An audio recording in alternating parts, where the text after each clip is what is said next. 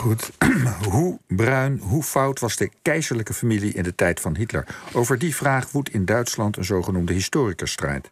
Want de keizer ondermijnde vanuit zijn ballingsoord Doorn de jonge democratie. En zijn zoon, de kroonprins, deed dat in de Republiek van Weimar zelf.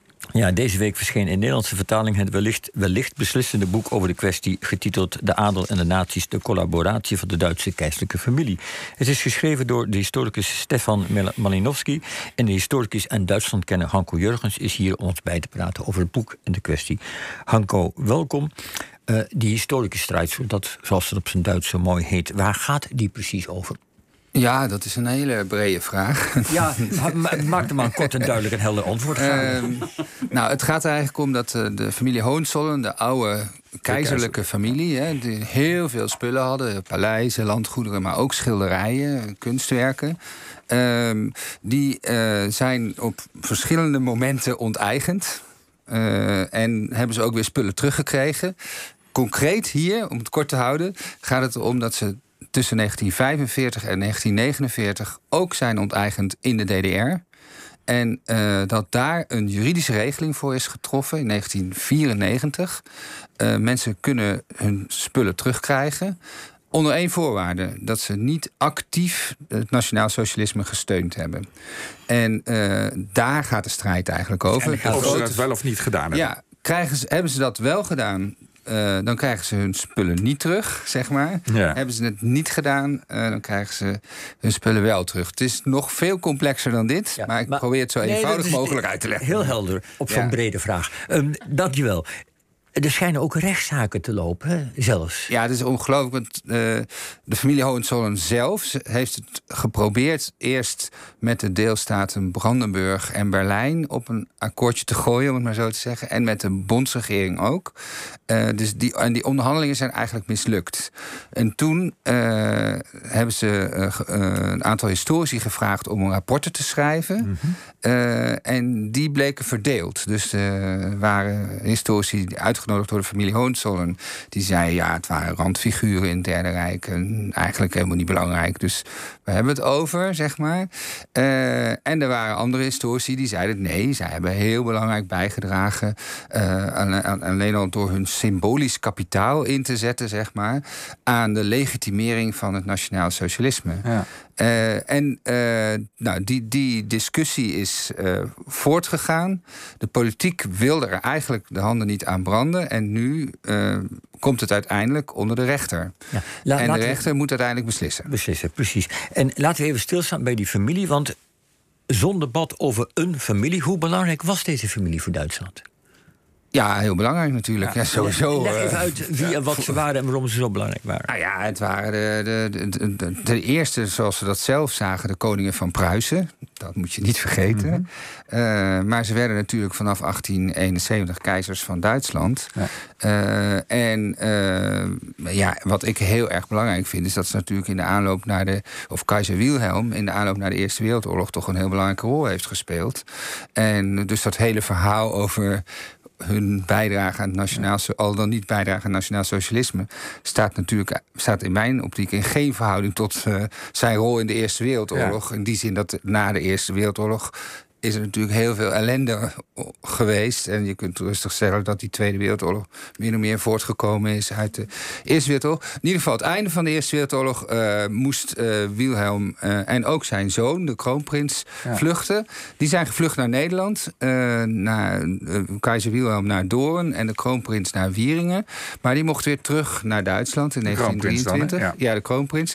En ze kregen ook een groot deel van hun uh, kastelen terug in 1926. Dat is in de Weimar Republiek geregeld. Heel, eigenlijk heel interessant. Dat, dat, dat is dus toch. Want door het hebben van die paleizen is natuurlijk hun legitimatie natuurlijk ook weer toch, toch voor een belangrijk deel terug. En kroonprins. Uh, Wilhelm die, die uh, was het nou Friedrich? Nou moet ik even kijken. Nee, Wilhelm. Ja, Wilhelm. Ja, ja, er zijn er nogal wat. Uh, de, de kroonprins die is vanaf 1929 steeds actiever geworden... in het ondermijnen van de democratie. en, en daar heeft hij dus allerlei bondgenoten gezocht rechtse bondgenoten, nog rechtsere, extreemrechtse, uh, conservatieve bondgenoten om die Weimar-democratie te kunnen dus, ondermijnen. Dus ook de partij van Hitler. Zeker. Ja, Het model was eigenlijk uh, Mussolini. hè? Dus in Italië had Mussolini de macht. En daar was een koning uh, die een beetje in zijn paleisje zat en klein gehouden werd. Maar dat was natuurlijk een kans voor de Hohenzollern om toch weer terug te komen. Maar die koning uh, of die keizer eigenlijk, hè, die naar Nederland was gevlucht. En het beeld, als je naar Doorn ging, naar het museum daar, wat, wat er nog steeds is. Ja, schitterend uh, museum. Ja, schitterend museum. Maar dan krijg je toch een beetje het idee van een man die de machtigste man zo'n beetje van uh, Europa was. Die daar was als een zielige man nog een beetje houtjes stond te hakken in de tuin en verder ja. niet veel te doen had. Dat klopt dat dus niet helemaal. Dat klopt niet helemaal, nee, nee hij, niet. hij bemoeide zich er ook nog mee. Hij nou had nog aspiraties om onder Hitlers vlag terug te komen. Ja, ja hij ontving alle uh, conservatieven en uh, rechtsconservatieven uit Duitsland op zijn paleis. Of uh, in huis door, moet ik zeggen. Uh, en hij correspondeerde natuurlijk met, met heel veel mensen. En hield nauw contact met zijn zoon. En zijn zoon werd steeds actiever en die was ook steeds meer betrokken bij het nationaal socialisme. Die, die zoon is aan het woelen tegen de demo, die jonge, toch ja, vrij zwakke ja, democratie die, die in de Weimar Republiek. En die is eigenlijk min of meer aan het loeren naar bondgenoten om te, ja. die positie van de Hohenzollern dus te kunnen herstellen. Op Laten we even naar het boek van Malinowski gaan. Want uh, wat heeft hij nou precies onderzocht? Met welke vraag trok hij dit mijnenveld in? Nou, dat is precies die juridische vraag. Hè. Hebben ze nou uh, actief bijgedragen aan het nationaal socialisme of niet? En omdat de historici dus uh, niet allemaal hetzelfde antwoord hebben gegeven, vond hij het heel belangrijk om daar een, in, in een groter boek een heel duidelijk oordeel over te vellen. En zijn oordeel is heel eenvoudig eigenlijk dat de familie hun symbolisch kapitaal hebben ingezet ter legitimatie van het nationaal socialisme. Dus alleen al door bijvoorbeeld aanwezig te zijn op de dag van Potsdam, dat was de heropening van de Rijksdag, nadat die was afgefikt, zeg maar, zijn ze in Potsdam verder gegaan in de garnizoenskerk. Uh, is het parlement daar gaan zitten. Alleen al door daar te zitten als kroonprins... legitimeer je eigenlijk uh, de ja, nog prille macht van het nationaal socialisme. Want die dag van Potsdam, waar, uh, waar hij dus was... moest uitstralen dat heel Duitsland boeren, burgers, buitenlui, maar ook de monarchie uh, achter het nationaal socialisme stond. En drie dagen later was ook de uh, machtigingswet, uh, waar Hitler dus eigenlijk alle macht naar zich toe trok en het parlement geen enkele rol meer gespeeld heeft. Dus die dag van Potsdam was heel erg belangrijk. En daar zette de kroonprins zijn symbolisch kapitaal voor in. Dat is eigenlijk zijn belangrijkste these. Maar je ziet ook dat er op allerlei andere manieren, hij was ook lid van de motor SA. Uh, ze, hij had een broer die ook in de SA heel belangrijk was. Uh, de, de, keizer uh, correspondeerde heel veel. En was, ze waren eigenlijk ze waren zeer gelukkig zeg maar, met de, de ontwikkelingen. Dus je ziet op allerlei manieren dat die familie dus druk doende was om hun steun aan het nieuwe regime te geven. En toen het re regime eenmaal in het zadel was, bleek dat Hitler ze niet meer nodig had. Ja, want wat was Hitlers belang? Die, die, die... Nou, die, Hitler die moest, dus, die, die moest aan de macht komen. En die wilde graag zo snel mogelijk uh, uh, dat regelen. En in 1932 is er zelfs even sprake van mm -hmm. geweest... dat ze een, een soort coup zouden plegen samen uh, met de kroonprins. Maar daar was de keizer dan weer tegen. Ja, ja. want, dus want hij wilde een soort keizerlijke goedkeuring. Nou ja, die familie heeft natuurlijk ook. Ze, ze, hebben allemaal hun eigen hiërarchie. En uh, uh, dus het, uh, het kon uiteindelijk niet zonder de goedkeuring van papa in Doorn. Maar wat belangrijk is, is misschien om te beseffen, ook voor. Want we denken altijd, Hitler grijpt de macht uit en aan. En dat gaat allemaal van de ene op de andere dag stap voor stap makkelijk. Maar die situatie in 32 en 33 is helemaal niet zo makkelijk Totaal voor onoverzichtelijk was het. En, ja. is dat een van de redenen dat die legitimatie van deze keizerlijke familie zo belangrijk is? Ja, zeker. Uh, het is heel erg belangrijk. En het, zeg maar, hun uh, symbolisch kapitaal was natuurlijk al, al uh, sowieso altijd heel erg belangrijk. Zeg maar, elk bioscoopbezoek, daar werd over bericht. Ook in de New York Times zelfs. hij vergelijkt het zelfs eventjes met Mary en en, en, en, met Harry en Meghan, mhm.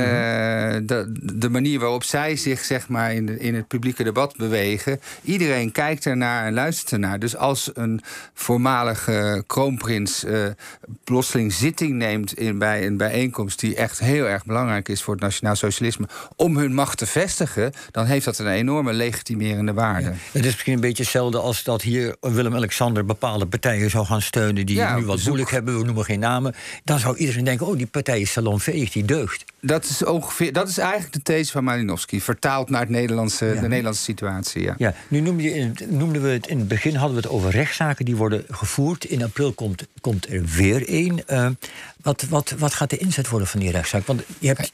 Ik vind het machtig interessant, want uh, kijk, historici uh, hebben nu ook heel erg uh, best gedaan om te laten zien dat dit, de these van Malinowski breed gedeeld wordt. Dat alle gerespecteerde historici dat vinden. Maar er zijn ook andere rapporten. En zelfs het eerste rapport van Christopher Clark, een heel belangrijke historicus uit Cambridge, die eigenlijk zeggen van nou ja, zo belangrijk waren die Hohenzollern niet. En zonder de Hohenzollern zouden de, de nazi's heus wel ook aan de macht gekomen maar zijn. had die Christopher Clark dus had dat op verzoek van de Hollandsorns geschreven, toch? Ja, of niet? ja dus dan, dan, dus dan uh, de, de advocaten kunnen natuurlijk zeggen van ja. Kijk, geschiedenis is een subjectieve wetenschap, een wetenschap van interpretatie.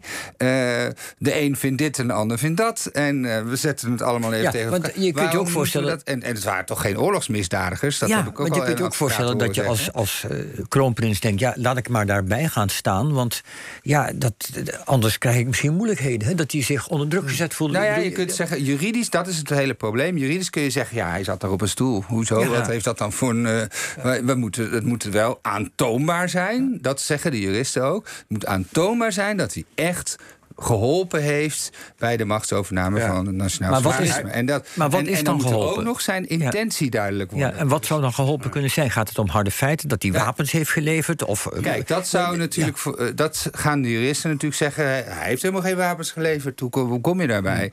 Uh, dat was geen oorlogsmisdadiger. Dus die, deze discussie die wordt gevoerd.